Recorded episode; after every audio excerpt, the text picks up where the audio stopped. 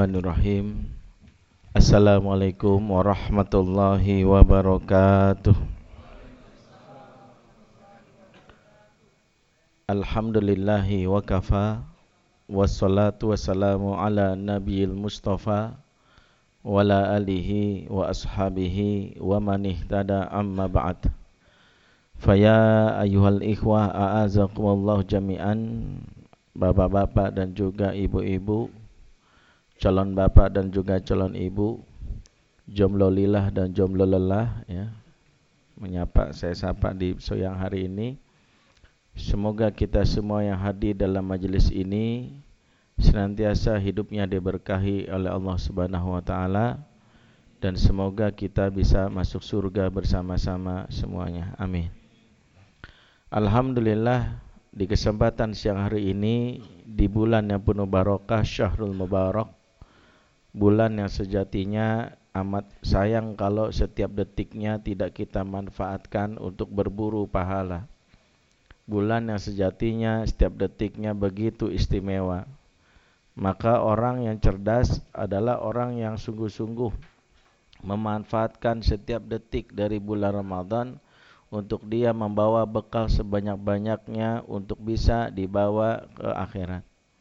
Itulah orang yang cerdas sehingga tidak ada satu detik pun yang kita lakukan di bulan Ramadan kecuali kita niatkan untuk ibadah.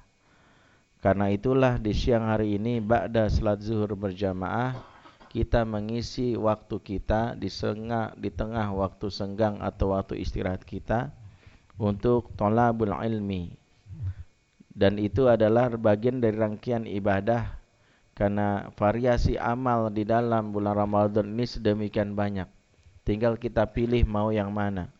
Fa idza faragta fangsab. Jika sudah selesai dengan satu amal yang lain, mungkin sudah lelah, mungkin sudah merasa capek, maka bisa pindah ke amal yang berikutnya. Inilah yang sekarang kita lakukan yaitu duduk untuk berbicara tentang suatu yang sangat penting terkait dengan visi kita, terutama bagi yang sudah berkeluarga atau berumah tangga yaitu masuk surga sekeluarga.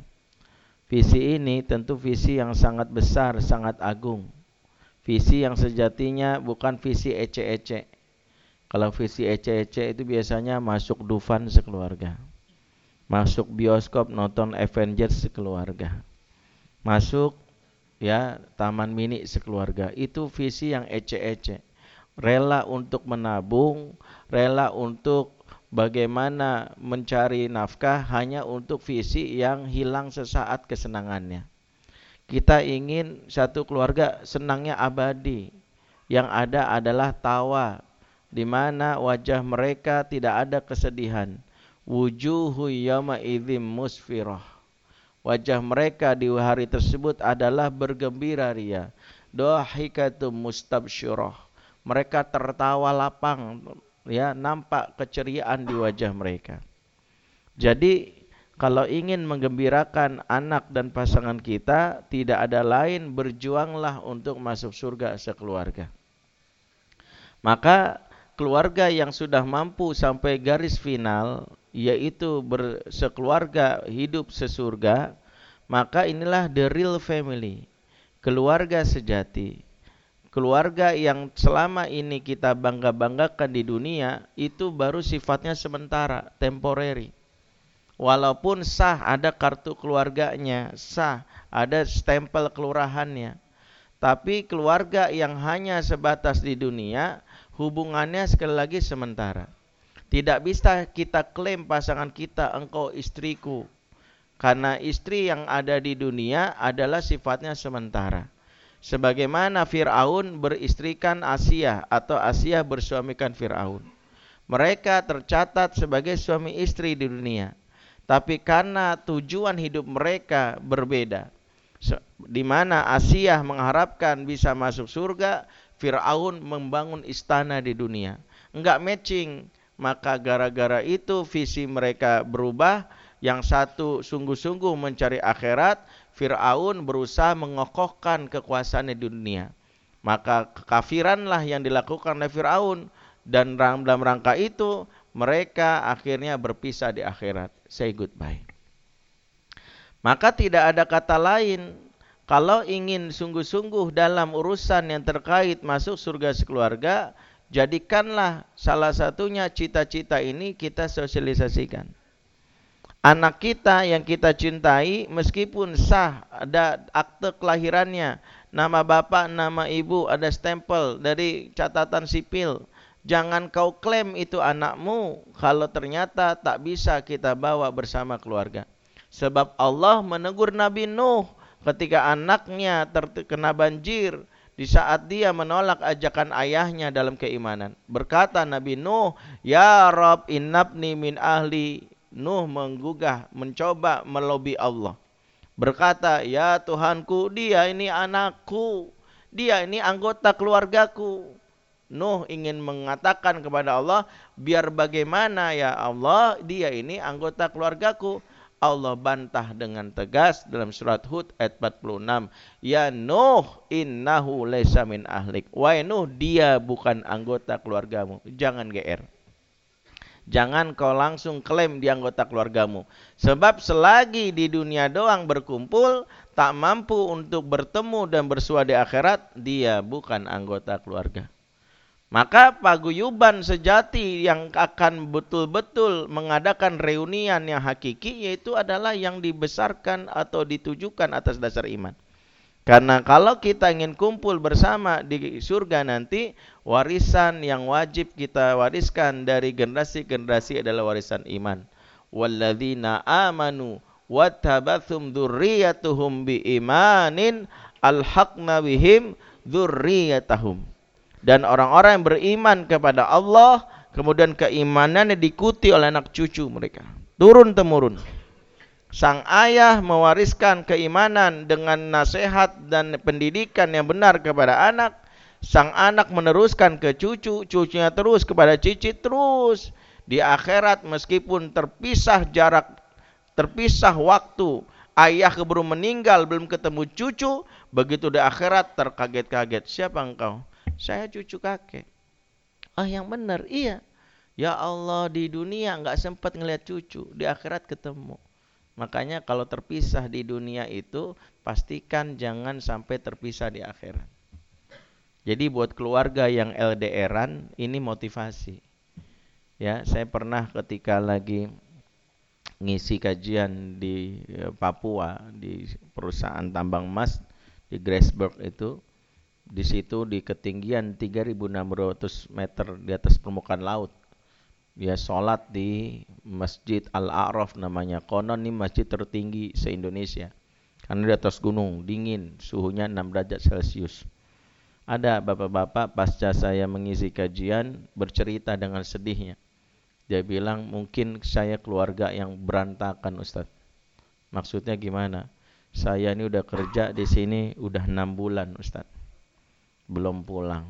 Istri saya seorang dokter minta izin meneruskan spesialisnya di Jakarta. Saya izinkan karena bagian dari pengabdiannya. Sementara anak saya yang pertama belajar di pesantren di Gresik.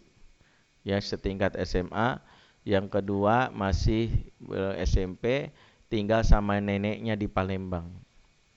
Kata dia, bayangkan Ustadz Bapak di Papua, emak di Jakarta, Anak pertama di Gresik, anak kedua di Palembang. Ini keluarga model apa ya Ustaz? Saya tahu bahwa Bapak ini sedih dan nggak boleh kita langsung menjudge-nya seolah-olah dia adalah seorang kepala keluarga yang gagal. Ya, saya ingin mengangkat satu hal yang membuat mungkin seseorang kembali kepada semangatnya.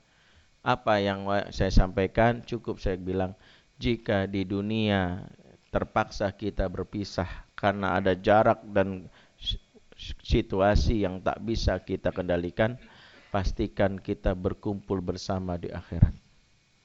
Kadang harus terpisah. Seperti Ibrahim, dia jarang pulang. Bukan karena Ibrahim pelesiran. Dia ngumpulin banyak foto selfie untuk diunggah di IG, kan enggak. Karena Ibrahim punya visi, dia cari bekal yang banyak untuk keluarganya dan itu jadikan hujah ya Rob. Aku keluar menjalankan tugas sebagai nabi dan tak pernah bersua dengan istri dan anakku. tapi bisakah kami menjadi keluarga kembali di akhirat? Allah langsung sebut dalam surat Ali Imran 33, "Innallaha astafa Adam wa Nuha wa ala Ibrahim." Jadi Allah pilih di antara seluruh hambanya salah satunya ala Ibrahim wa ala Imran alal alamin. Di antara semua makhluk keluarga Ibrahim salah satunya. Padahal jarang ketemu karena Ibrahim seperti itu. Alasannya karena dakwah. Ada seorang kepala keluarga yang juga dia harus meninggalkan istri dan anaknya bukan karena dia nggak sayang. Ya, disebutkan dalam kitab uh, apa yang tulis oleh Imam Az-Zahabi Syiar Alam Anubala namanya Faruq. Beliau seorang mujahid yang berburu syahid meninggalkan keluarganya kurang lebih 30 tahun. 30 tahun dia nggak pulang dan nggak dapat syahid juga. Tapi dia bertekad, dia sampaikan sebelum berangkat, abang pergi dek kepada istrinya, ya abang mencari pahala syahid dan pahala syahid itu konon berdasarkan hadis bisa dibagikan ke orang terdekat. Abang harap engkau dapat yang pertama. Maka sang istri bersabar. Pergilah suaminya. Ternyata enggak syahid dan pulang dalam keadaan sudah tua. Tapi masih kelihatan gagah. Ada juga yang meninggalkan istrinya dengan keriduan istrinya untuk mencari ilmu yang dikenal dengan Abdullah bin Qasim seorang penuntut ilmu, seorang tolib yang berangkat dari Mesir ke negeri Madinah demi belajar menuntut ilmu dengan ulama yang terkenal Imam Malik. 17 tahun dia nggak pulang karena dulu tidak ada teknologi yang mempercepat jarak dia dengan pasang uh, berdekatan dengan pasangan keluarganya. Sampai anaknya awal mula dia nikah, kemudian dia berhubungan istrinya dan istrinya hamil, dia nggak sadar kalau istrinya hamil, dia berangkat, ternyata anaknya sudah 17 tahun menyusul ayahnya. Si ibu mengatakan, nak, kau masih punya ayah, seorang sedang belajar menuntut ilmu, dan ilmu itu akan dipakai untuk bekal kita akhirat. Kalau kau ingin menyusuri, mencari ayahmu, carilah di majelisnya Imam Malik. Cari siapa nak Abdul Qasim, engkau anaknya. Anaknya pun mengikuti jejak ayahnya. Keluarga yang seperti ini keluarga yang meskipun akhirnya secara kasat mata mereka terpisah di dunia tapi Allah menjadikan mereka the best family di akhirat karena punya visi masuk surga sekeluarga makanya kalau kita lihat jangan merasa bahwa keromantisan di dunia itu ukuran bahwa keluarga yang sukses yang paling penting adalah bagaimana memiliki visi untuk bisa masuk surga sekeluarga. Sehingga sering saya katakan keluarga broken home bukan keluarga yang tercerai berai di dunia. Keluarga broken home, keluarga yang tak mampu kumpul bersama di surga. Itu broken home family. Di sinilah kenapa seorang ayah sebagai kepala keluarga visi misi ini harus disampaikan. Dia harus ngomong ke keluarganya. Kalau perlu orasi gitu, jangan kalah sama capres. Yang ngomong sama anak istrinya, mungkin papa nggak bisa membawamu liburan ke Bali atau ke Turki, tapi insya Allah papa akan membawamu liburan ke surga. Ya, si anak komplain, ah bilang aja bokeh. Nah, kalau itu baru kita bilang ya, nama juga usaha. Ya. Kita ngomong begini karena kita jelas visinya mengajak keluarga ke surga. Karena itulah apa yang bisa kita lakukan untuk bisa masuk surga keluarga ada beberapa tahapan. Yang pertama adalah merubah orientasi hidup. Orientasi hidup yang benar. Yang kedua adalah membangun surga di dalam rumah. Ini miniaturnya sudah kita ciptakan di dalam rumah. Surga di dalam rumah itulah yang mau kita ciptakan. Yang berikutnya membangun rumah di surga kalau pengen kita masuk surga keluarga, rumahnya bisa dicicil. Rumahnya bisa kita cicil dari sekarang. Ternyata dalam banyak hadis sebutkan ada orang-orang yang rumahnya sudah dipersiapkan. Sehingga kalau rumah sudah persiapkan masa iya nggak dihuni kan gitu. Sebagaimana Asia ketika menghadapi Fir'aun rumahnya udah disiapin. Makanya dia sabar aja menghadapi suami model kayak Fir'aun. Ya, kalau mau pakai logika, ngapain juga punya suami ini musuhnya Allah. Ya mendingan cerai aja deh gitu ya. Cari yang lain yang agak soleh dikit gitu. Tapi Asiyah wanita yang diberikan hikmah bahwa kadang ada rumah tangga itu yang tidak seperti gambaran kita romantismenya. Kadang ini sering saya bilang emak-emak zaman now, Ustadz gimana caranya supaya saya bisa membangun keluarga romantis seperti yang diajarkan oleh Rasulullah deketan gitu. Karena suami saya sendiri orang yang malas sholat. Saya pengen suami itu sedikit lebih lembut sama saya. Cara paling mudah kalau pengen memiliki keluarga yang romantis. Yang pertama jangan nonton drama Korea. Karena imajinasi kita itu akan membuat kita merasa berkeluh kesah. Ya suami gue gini amat ya kalau di TV-TV dilihatin tuh pasangannya bawa bunga suami gua bawa potnya doang bunganya kita ngisiin. Potnya dilempar lagi nih ambil gitu. Nah kalau kayak gini bu buyar itu. Seorang Asia dia punya gambaran ya udahlah suami gua kayak Firaun. Udah. Tapi dia tahu suaminya Firaun ini jangan-jangan nih pintu surganya saya. Asia itu punya pikiran positif. Karena dia tahu nikah itu kan niatnya ibadah. Nama ibadah itu ya udah tapi visinya dia kuatin. Dia terus dia nggak tahu masih berusaha aja ngajak Firaun. Tapi ya sudah yang menentukannya kan Allah. Nama usaha terus dinilai Allah. Yang jelas usaha itu bernilai pahala. Tapi kalau ternyata gagal itu urusan Allah.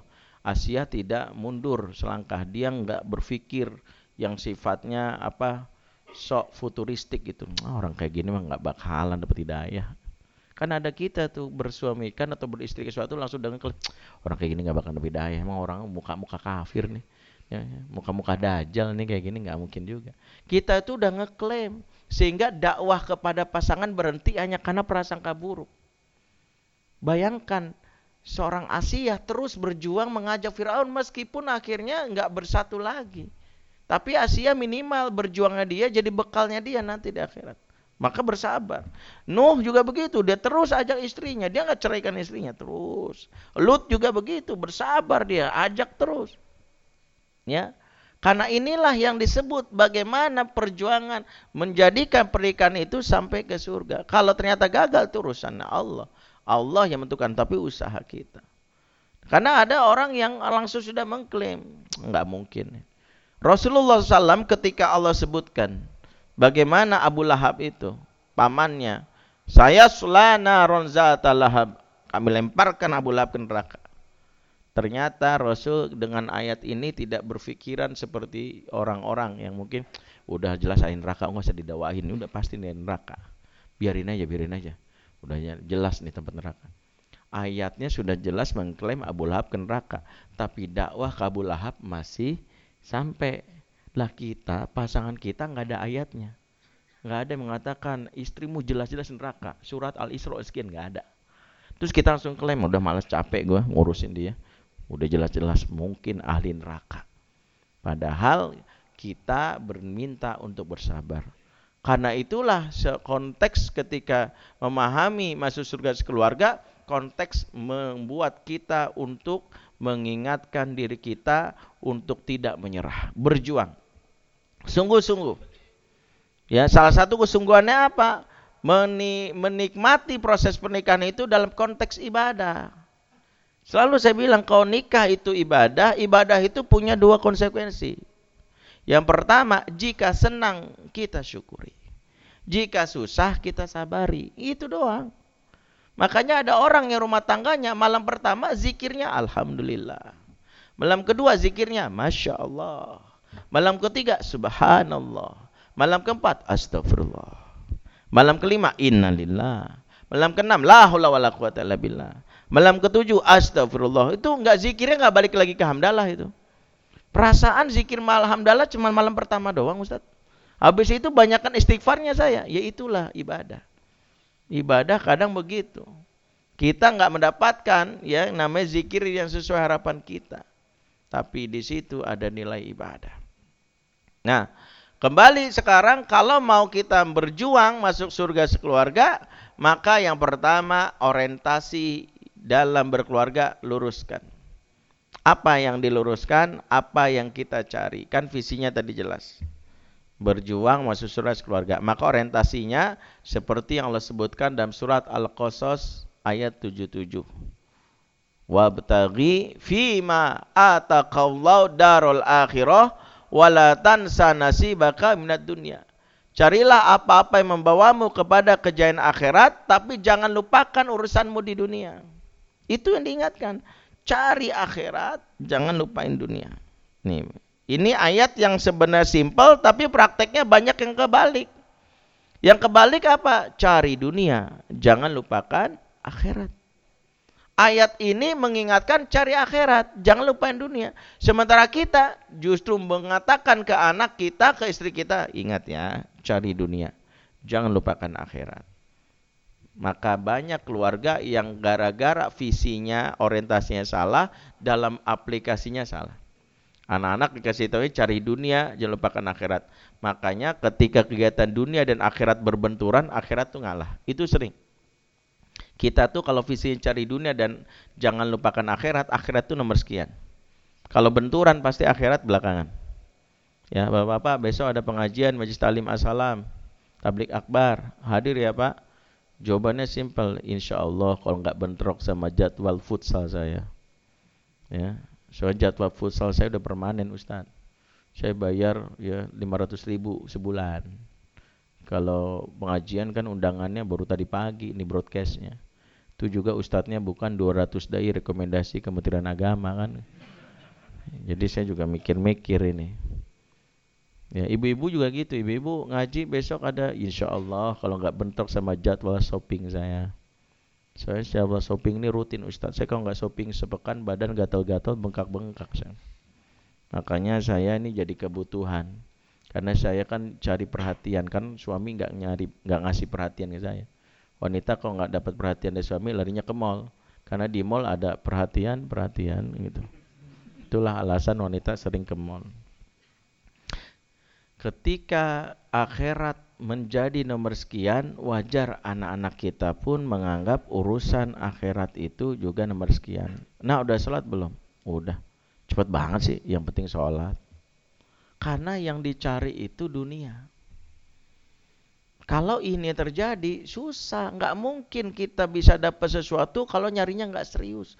Pengen masuk surga sekeluarga, tapi kita sendiri nggak serius. Salah satu nggak serius apa? Nyambi. Jangan membuat visi itu buat kita nyambi urusan akhirat. Allah mengecamnya, bal tu'thirunal hayata dunia. Kalian tuh lebih prioritasin dunia. Wal akhiratu khairu wa abqa. Sementara akhirat lebih baik dan lebih kekal. Makanya kalau orang-orang yang berorientasi kepada dunia, akhirat belakangan, makanya indikatornya selalu urusan dunia. Anak sukses ukurannya dunia. Anak saya sudah mandiri Ustadz. Maksudnya anak saya sudah kuliah, S2, biaya sendiri, punya rumah, kendaraan pribadi, Alhamdulillah. Tinggal cari jodohnya aja nih Ustadz. Mandiri yang kita maksud urusan berkaitan dengan materi ekonomi. Padahal dalam Islam simpel. Anak mandiri, anak yang sudah bisa bangun salat subuh sendiri. Sebab begitu banyak anak yang ngakunya mandiri tapi setelah subuhnya emaknya jauh-jauh nelpon dari kampung. Ya, jangan bangun, jangan bangun udah jam 8. Aduh, saat duha pakai kunut lagi nih kamu nih. Biasaan nih, aduh. Aduh, Mak, semalam kan habis ngerjain tesis, Mak, capek banget nih, udah ada ngantuk banget. Yang kita sebut mandiri dalam Islam itu nggak ada nilainya, masih bocah. Mandiri adalah meski tujuh tahun saat azan subuh berkumandang, Allahu Akbar, Allahu Akbar, kita bangun, kita cek kamar, anak kita nggak ada. Kita langsung panik, jangan-jangan diculik nih, jangan diculik. Ternyata begitu kita cek, eh dia yang azan. Ya Allah kami yang azan, nah iya. Di jam berapa? Di jam tiga. Nah ngapain di sini daftar jadi marbot? Ya, enggak mau tahajud aja. Kalau kita temui anak kita sudah seperti ini, sudah beres berarti sudah jelas maunya apa. Ternyata akhirat jadi kebutuhannya. Makanya sering saya bilang, kadang kalau kita nemuin hadis-hadis tentang masalah amal dan hubungan bapak dan anak, agak aneh. Di zaman dahulu bapak itu atau rasul kalau ketemu anak kecil nggak pernah nanya seperti kita ketemu anak-anak kita. Cari hadis atau athar, serahkan ke saya kalau ada saya bayar. Saya bu punya buku Fatherman nanti saya kasih gratis ya, di luar ada sekalian promo nih ya. Terus nah itu kalau sahabat pernah nanya ke anak dan kalimat ini kasih ke saya. Nah, udah sholat belum? Cari hadisnya. Asolaita. Nah, eh gimana? Udah sholat belum? Rasul pernah ketemu anak kecil nanya, kamu udah sholat belum? Gak pernah. Gak pernah. Cari hadisnya. Mungkin ada yang bilang, loh kok gitu berarti sholat nggak dianggap penting. Bukan. Rasul dan sahabat nggak pernah nanya udah sholat apa belum ke anak-anak zaman dulu karena kalau pertanyaan ditanya ke mereka, mereka tersinggung berat. Mereka akan bilang, Rasul jangankan sholat, amalan apa lagi bisa kami kerjakan? Tersinggung mereka. Loh kami itu justru bertanya, ayul amal afdol, amalan apa yang paling utama? Kata Rasul, jihad visabilillah, berangkat. Masih bocah, ambil pedang milik bapak, berangkat Zaid bin Sabit panjang pedangnya lebih panjang badannya nekat ya. Gak penting, yang penting saya nyari amalan utama. Karena mereka sudah berpikiran akhirat, maka dicari amalan yang utama. Kalau kita kan anak zaman now, amalan apa yang paling ringan? Ya, selalu setiap Ramadan survei dulu masjid mana yang paling cepat. Kan udah jadi tradisi. Eh, masjid ini 2 3 rakaat 5 menit. Mantap. Kan di share di Facebook tuh masjid favorit gua. Begitu kasih tahu ada tuh di dekat Kuningan tuh belakangnya dua sebelas rokaat. Langsung kalkulatif dua tiga aja lima menit apalagi yang sebelas. Wah langsung begitu masjid ke sebelas kodarullah imamnya impor dari Saudi. Baru dengar basmalah doang, Bismillahirrahmanirrahim. Dalam hati, salah masjid lagi aduh. Itu udah gelisah tuh. Waladhalin. Amin. Itu hati langsung berkuat berucap tuh kulhu kulhu kulhu kulhu. Begitu imam baca alif ya alif lam ada langsung tuh dicatat itu dibikin share gitu 10 masjid yang wajib dihindari ya di nomor 7 kalian akan tercengang kan Kenapa begitu? Karena mereka mencari dunia akhirat nyambi. Maka ortu yang sungguh-sungguh berjuang surga semuanya pertimbangan akhirat. Papa, kenapa sih aku sekolah di sini? Karena sekolah ini mengingatkan engkau akan urusan akhirat. Jadi bukan gini, Pak, kenapa sih aku masuk sekolah Katolik ini? Eh, sekolah ini tuh terbukti lulusannya masuk UI semuanya. Yang dipikirin masuk UI bukan masuk surga. Kalau masuk UI kan gampang, saya tiap bulan masuk UI 4000 saya bilang. Kalau motor 2000, percaya deh. Kenapa kita mikirinnya masuk UI? Kenapa Pak masuk gini? Kenapa kerja di sini? Karena di kantor ini alhamdulillah selain gajinya juga terbebas dari hal-hal yang haram. Yang kedua juga Papa mendapatkan yang namanya asupan rohani. Papa ingin pekerjaan Bapak berkah sampai surga. Begitu. Yang dicari pekerjaan itu bukan gajinya, tapi berkahnya. Dapat ada anak mantu apa yang mau melamar anak kita, yang ditanya pertama adalah bukan nanya dukung Liverpool apa MU. Oh, bukan. Ini ortu yang keren mah MU enggak jadi gitu. Bukan nanya berapa gajinya, bukan berapa ininya, bukan nanya sholat subuhnya gimana. Dicek dulu, aduh Pak sering kesiangan nggak bisa. Bangun pagi aja susah, apalagi bangun rumah tangga kamu. Hmm nggak bisa kamu ya udah nggak bisa bapak yang kayak gini punya visi akhirat jadi kalau visi akhirat itu menunjukkan sudah benar maka dialog di dalam rumah itu mungkin sekali boleh dialog dunia tapi yang berpusat itu dialognya tentang akhirat obrolan mereka itu obrolan tentang akhirat karena kata Ibnu Jari dalam kitab tarikhnya disebutkan apa apa uh, visi hiwaru bainar riayah ya dulu ala ru'yati amiruha. Dialog antar rakyat mencerminkan visi asli pemimpin.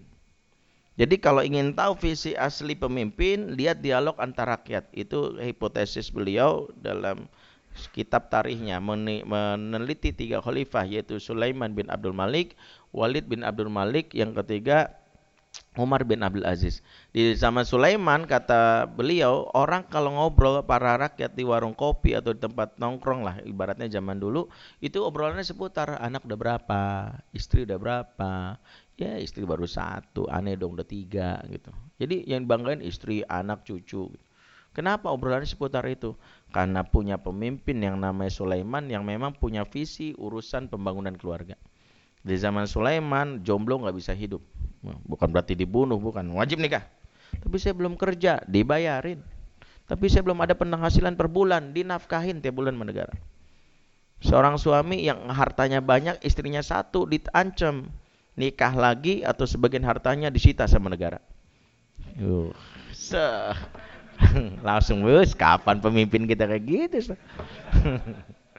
Sampai diancam gitu nikah lagi ya. Kalau kita kan bisa berdalih ya mengamankan aset istriku gitu.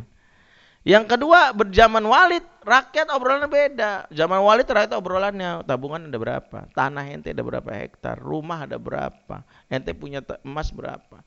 Obrolannya seputar aset properti. Karena pemimpinnya Walid dikenal urusan kuat dalam visi pembangunan. Ya, pokoknya segala pembangunan fisik, infrastruktur dia pikirin. Itu yang membuat rakyat obrolannya seputar itu. Berganti masa zaman Umar Rakyat obrolannya adalah udah tahajud belum semalam, berapa rakaat, hafal Quran nggak kamu? Kamu udah hafal hadis ini belum? Udah wakaf tanah buat masjid belum? Udah umroh, udah haji? Oh, obrolannya seputar itu. Kenapa? Karena terkenallah pemimpinnya Umar yang visinya kuat dalam urusan spiritual. Sehingga rakyat pun ikut-ikutan. Maka dialog ini kita terjemahkan dalam konteks yang paling kecil di rumah. Pengen tahu visi kita ada benar, dengerin tuh visi anak. Dari mana obrolannya? Kalau anak kita obrolannya seputar, deh enakan bebek goreng ya kalau bukan, wah enakan sup iga, wah enakan sate padang. Kenapa obrolannya seputar makanan mulu? Karena bapak ibunya terkenal wisata kuliner. Yang diobrolin wisata kuliner mulu. Kalau obrolan seputar enakan liburan ke Bali ya, enakan ke Singapura, karena bapak ibunya seputar jalan-jalan mulu. Bersyukurlah kalau anak kita obrolannya masih kebun bocah udah seki, udah ngomongin akhirat. Abangnya bilang, abang dong sudah hafal juz 30 deh. Kan anak kecil begitu. Adanya bilang, aku nggak hafal juz 30, tapi aku hafal hadis larangan sombong. Abangnya langsung diem. tapi ini benar. Kalau kita dengarkan, menunjukkan bapak ibunya sudah benar. Maka anak yang tersosialisasikan visi akhiratnya maka dia menjadikan justru orang tuanya sebagai aset meraih visi akhirat. Makanya tidak ada ceritanya orang tua ditaruh di panti jompo itu nggak ada. Orang tua yang selama hidupnya menaruh anak panti jompo, eh men, men, ditaruh anak di panti jompo mungkin karena gagal mensosialisasikan visi akhirat ke anak. Sehingga anak merasa bahwa ortu itu beban. Ortu itu beban makanya capek di Saudi ada seorang syekh cerita di Saudi itu adalah kasus unik. Kakak beradik saling menggugat di pengadilan. Ya orang tuh kalau kakak adik saling menggugat biasanya urusan apa? Warisan tanah ya tapi ini unik, si kakak berhujah depan hakim. Pak Hakim, kami dua bersaudara, itu adik saya, dia menggugat saya, kami beda kota, jarak kami sekitar ratusan kilo, kami punya orang tua tinggal ibu kami, emak kami. Selama ini emak tinggal sama saya dan adik merasa iri, dia menggugat, dia nggak mau adik, saya nggak mau emak tinggal, dia pengen adik emak tinggal sama dia. Pak Pak Hakim, jangan penuhi adik saya. Demi Allah, saya ini lebih mampu secara finansial daripada adik saya. Saya bisa memberikan apa yang mak saya mau. Dan saya tidak rela kalau adik saya dia mengambil mak saya sementara mak saya kekurangan. Maka penuhilah, jangan sampai penuhi kebutuhan adik saya. Jangan sampai adik saya yang memegang hak merawat mak. Adiknya langsung bilang, Pak Hakim dengarkan saya. Saya betul, saya adiknya dan saya secara ekonomi jauh di bawah abang saya. Tapi Pak Hakim harus tahu, abang saya emang uang lebih banyak, tapi dia pekerja, pegawai Senin sampai Jumat, Senin sampai Sabtu kerja dari pagi sampai sore. Emak kalau di rumah butuh sesuatu, kadang abang nggak ada. Dia kadang malu mau minta tolong sama istrinya. Saya biar gini-gini, saya freelance, gampang kerja di rumah. Kalau emak saya butuh, saya langsung bergerak. Apa mak? Ada apa yang butuhkan? Pak Hakim, berikan hak merawat emak saya. Saya ingin mak di akhir hidupnya bahagia. Dia tidak susah meminta tolong sama anaknya. Tahu, Pak Hakim nangis. Baru kali ini ada kakak beradik urusan rebutannya urusan itu. Pokoknya mama saya. Apa yang dilakukan hakim? Hakim memutuskan. Hakim memutuskan merawat emak dipegang sama adik. Tetapi biaya keseluruhan ditanggung semua sama sang abang. Sang abang langsung takbir Allahu Akbar. Apa kata abang? Dik, engkau sudah dapat maumu merawat emak, tapi jangan ambil jatah surgaku. Jangan ada satu peser pun uang engkau kasih ke emak tanpa sepengetahuanku. Itu jatahku. Aku nggak rela satu rial keluar dari kantongmu.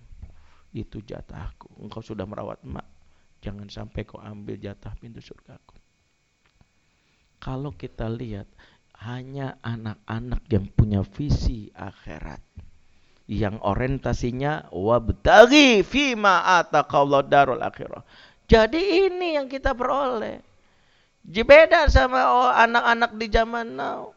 Ya saling saling melempar, nelpon adanya eh gantian apa? Gue capek banget nih ngerawat emak. Ini gue berantem sama bini gue nih, cerai nih rumah tangga gue nih. Gara-gara emak di rumah nih ribut mulu jadinya. Adanya bilang, bang rumah gue kecil gimana tidurnya di mana emak? Udahlah taruh aja di mana? Di pantai jompo. Maka kalau kita lihat konteks kayak gini, kenapa? Karena belum tersosialisasikan akhirat. Perhatiin, anak kalau sudah punya visi akhirat, nggak ada ceritanya menganggap ortu beban. Ini, ini konteks pertama. Maka orientasi yang benar adalah cari akhirat dan itu sosialisasikan. Sehingga nampak anak kita gairahnya ada urusan akhirat. Jangan gairahnya kalau pas lagi susah doang. Karena tabiat kita kan mencari akhirat nanti pas udah di PHK dari kantor, rumah kebakaran, istri gugat cerai, terlibat utang, ya banyak hidup apes barulah kita cari akhirat. Bukan berarti salah, bukan. Itu juga bagus banget. Tapi kalau setiap susah baru engkau ingat Allah, itulah yang membuat Allah ngasih kesusahan terus. Kenapa? Karena dengan cara itu engkau mengingatku kata Allah, maka aku berikan engkau kesusahan supaya mengingat aku. Ya, tapi itulah kita. Hati-hati kalau pas butuh Allah pas susah doang. Ya, makanya kenapa zikir terbaik kita kan bukan di masjid. Zikir terbaik kita pas naik pesawat lagi turbulensi itu. Astagfirullahaladzim, Masya Allah, Ya Allah, Ya Allah, kan gitu. Itu kencang banget tuh zikir kita. Saya lagi dari Turki, Istanbul, transit ke Abu Dhabi. Di eh, Abu Dhabi, itu pesawat baru kali itu saya ngalami ya turbulensi satu setengah jam. Tuk. Itu sepanjang turbulensi saya ngeliat sebelah saya ibu-ibu zikirnya zikir paling syahdu menurut saya. Ya Allah, ya Allah, ya Allah, ya Allah, gitu ya Allah sampai nangis. Saya kan nggak mungkin ngetawain orang senasib kan saya bilang. Walaupun saya ngeliat, ya Allah gimana senasib kita. Ya saya juga mikir bakalan mati. Cuman karena saya ngerasa saya ustadznya sok cool gitu. Padahal hati berdebar-debar juga. Zikirnya kencang juga. Tapi saya sadar saya baru melihat dari pengalaman itu. Ya Allah, zikir terbaik saya kayaknya di pesawat tadi tuh. Di mana saya benar-benar pasrah, khusyuk. Ya Allah, ya Allah, innalillah. Gitu aja tuh. Itu khusyuk banget kita tuh. Makanya kenapa zikir terbaik kita tuh lagi naik pesawat atau lagi naik bis Luragung jurusan Kuningan di Pantura itu tuh ya yang konon remnya ditaruh di pegadaian kan setiap naik bis itu kan selalu takbir ya Allah ya Allah masya Allah masya Allah, astagfirullah itu supir makin kenceng lagi makin bergairah kan gitu itu kan kita zikirnya kenceng banget tapi banyak kita begitu masuk masjid tempat zikir baru nyender tiang masjid tempat zikir ente tidur di luar ente zikirnya kenceng ini kan salah memahaminya Harusnya kan di tempat ini kita zikirnya kencang. Nah, konteks inilah kenapa pahami. Ayah menjadi pelopor pertama urusan ini. Makanya salah satu yang menjadi fokus dalam urusan mencari surga adalah perbaiki diri kita lebih utama. Karena itulah Allah menyapa ya ayyuhalladzina amanu qu anfusakum alaikum nar. Hai orang-orang beriman, jaga dirimu dan keluargamu dari neraka. Yang disapa siapa? Dirimu dulu engkau wajib perbaiki diri. Engkau berusaha meningkatkan kualitas dirimu. Makanya jangan sampai mikirin anak masuk surga tapi kita nyemplung ke neraka. Ini yang harus kita perbaiki. Berarti apa? Kita menjadi imam hijrah kasarnya. Pelopor pertama. Anak melihat contoh teladan. Dan itu yang membuat kita memahami hakikat dari ilmu parenting. Saya sering bilang, kalau kita belajar ilmu parenting, pahami. Parenting ada ilmu perbaikan kualitas diri sebagai orang tua. Berarti kita perbaiki diri nih. Namanya parenting. Kalau yang dipikirin anak mulu, namanya ilmu childrening. Namanya parenting. Berarti parenting kita. Waduh, saya kayaknya kurang nih. Kenapa anak marah-marah mulu ya? Jangan-jangan itu kita. Saya sudah bilang, anak itu cerminan kita. Jadi kalau ngeliat anak misal gini, itu jangan-jangan gue banget itu. Cuman kitanya nggak ngeh kan kalau dalam teori kepribadian ada kepribadian yang kata Imam Al Ghazali sesuatu yang kalian diketahui oleh kita tapi tidak diketahui orang lain. Tapi ada yang tidak diketahui oleh kita diketahui oleh orang lain. Kadang-kadang kita nggak nggak tahu kalau kita tuh nyebelin. Begitu ngeliat kok anak gue nyebelin banget ya. Itulah lo sebenarnya. Cuma nggak sadar aja. Ya makanya setelah saya selalu bilang kalau anak saya begini, jangan-jangan tuh saya. Pernah suatu hari anak saya ngambek yang perempuan. Ngambeknya tuh bingung, bingung kita salah tingkah. Ini kenapa sih? Ditanya, diem. Maunya apa nggak tahu, nggak jelas. Tapi emosinya tuh bikin kita bad mood. Istri saya sampai naik tinggi, sampai darah tinggi tuh ibaratnya. Kamu tuh maunya apa sih? Umi tuh bingung. Tuh sampai istri saya ngomong gitu. Saya bilang udah udah udah udah udah. Udah. Itulah kita saya bilang. Mau bilang itulah dia kan gak enak gitu. itulah kita. Istri saya berenung sebentar saya bilang. Berarti itu Umi gitu.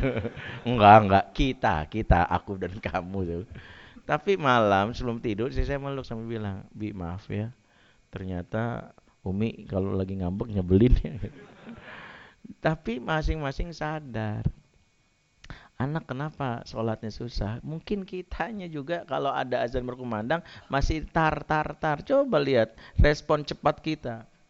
Makanya kalau kita lihat para nabi itu kalau dalam urusan yang nama ibadah mereka menjadi pelopor pertama. Doanya aja beda. Sebagian ortu kalau berdoa kan berbeda. Para ayah sini kau tanya doain anaknya, saya percaya pasti doain. Ya, doanya pakai bahasa Indonesia apa bahasa Arab? Hah? Bahasa Arab kadang bahasa Indonesia. Bahasa Indonesia paling doanya apa yang standar gimana? Ya Allah, jadikanlah anakku soleh, soleha jadi kalau anakku penghafal Al-Quran, penyejuk mata. Begitu kan? Itu doa kita biasanya. Benar nggak? Benar. Doa ini kan sering kita lafazkan benar menurut kita, tapi nggak tepat menurut konteks Quran. Loh kok nggak tepat? Ustaz kan boleh mengharapkan anak soleh-soleh. Betul kita boleh mendoakan anak kita soleh-soleh. Tapi doa ini menunjukkan kita egois. Yang kita doain soleh-soleh itu cuma anak doang. Kitanya nggak minta diri kita soleh. Pernah nggak kita minta ya Allah jadikanlah aku ayah yang soleh. Agar anakku soleh. Begitu. Kalau kita kok gurusan akhirat kita minta ke anak. Ya Allah jadikan anakku soleh, soleh penghafal Al-Quran, penyejuk mata. Tapi giliran kita ya Allah tambahkanlah gajiku ya Allah. Naikkanlah jabatanku. Kalau bisa bulan ini dapat uh, bonus.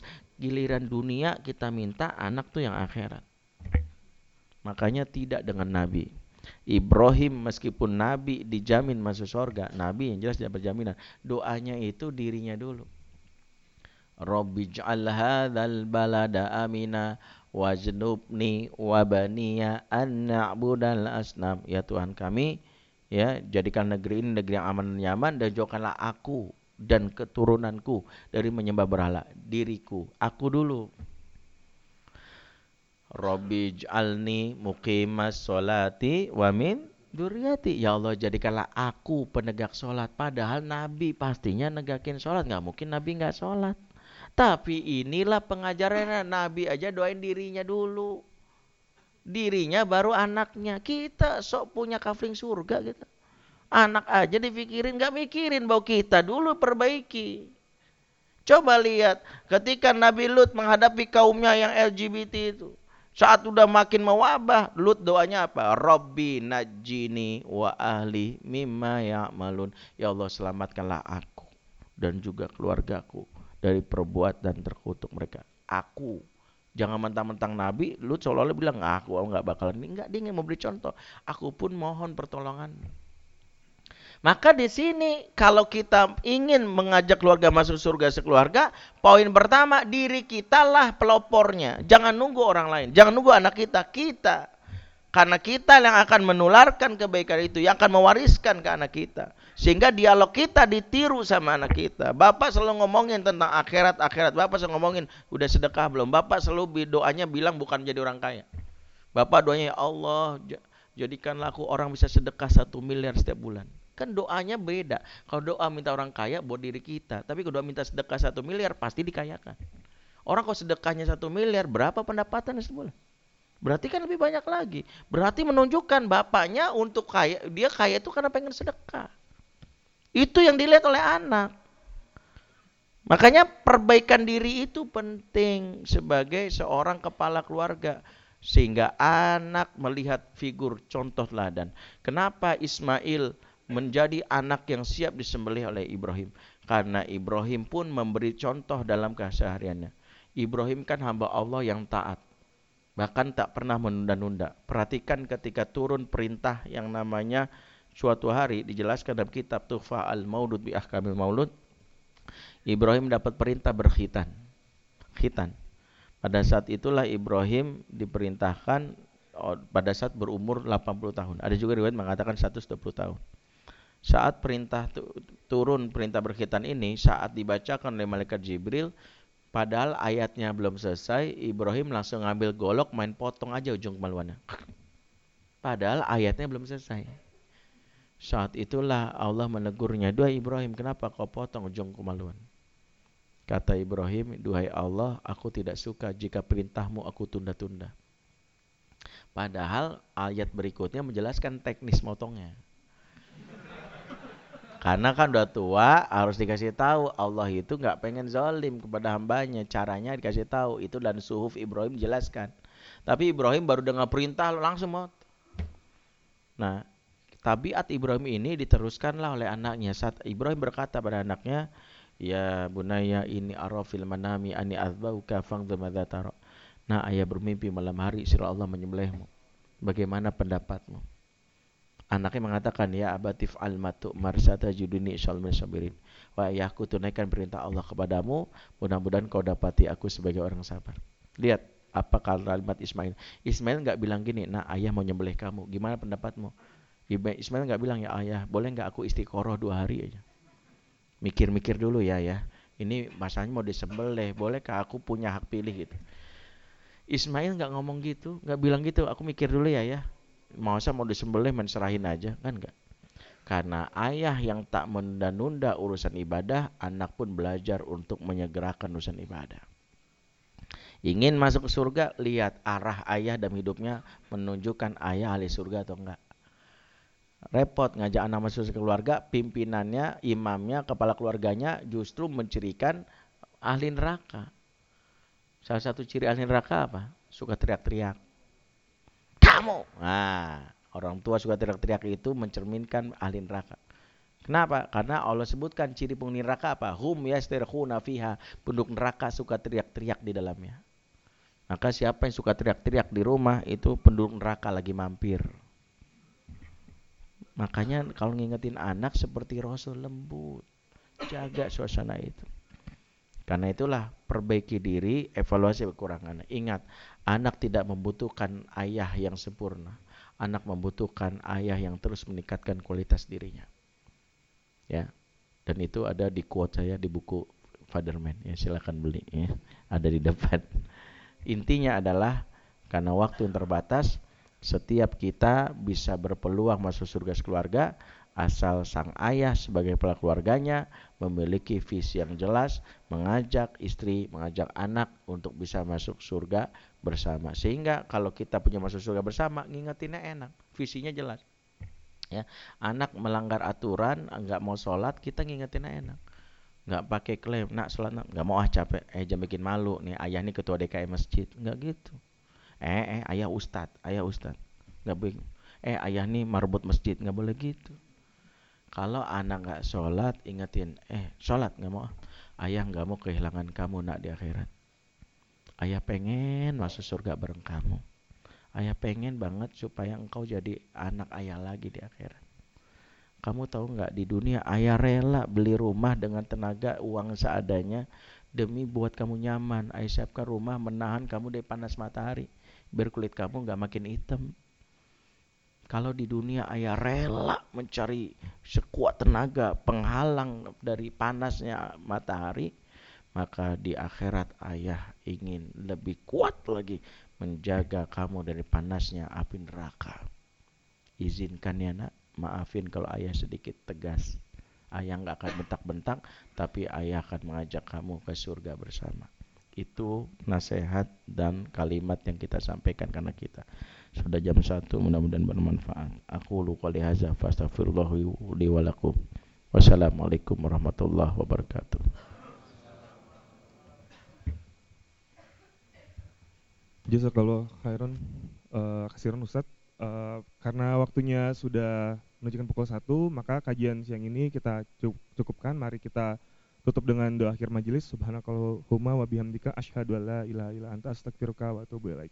Wassalamualaikum warahmatullahi wabarakatuh.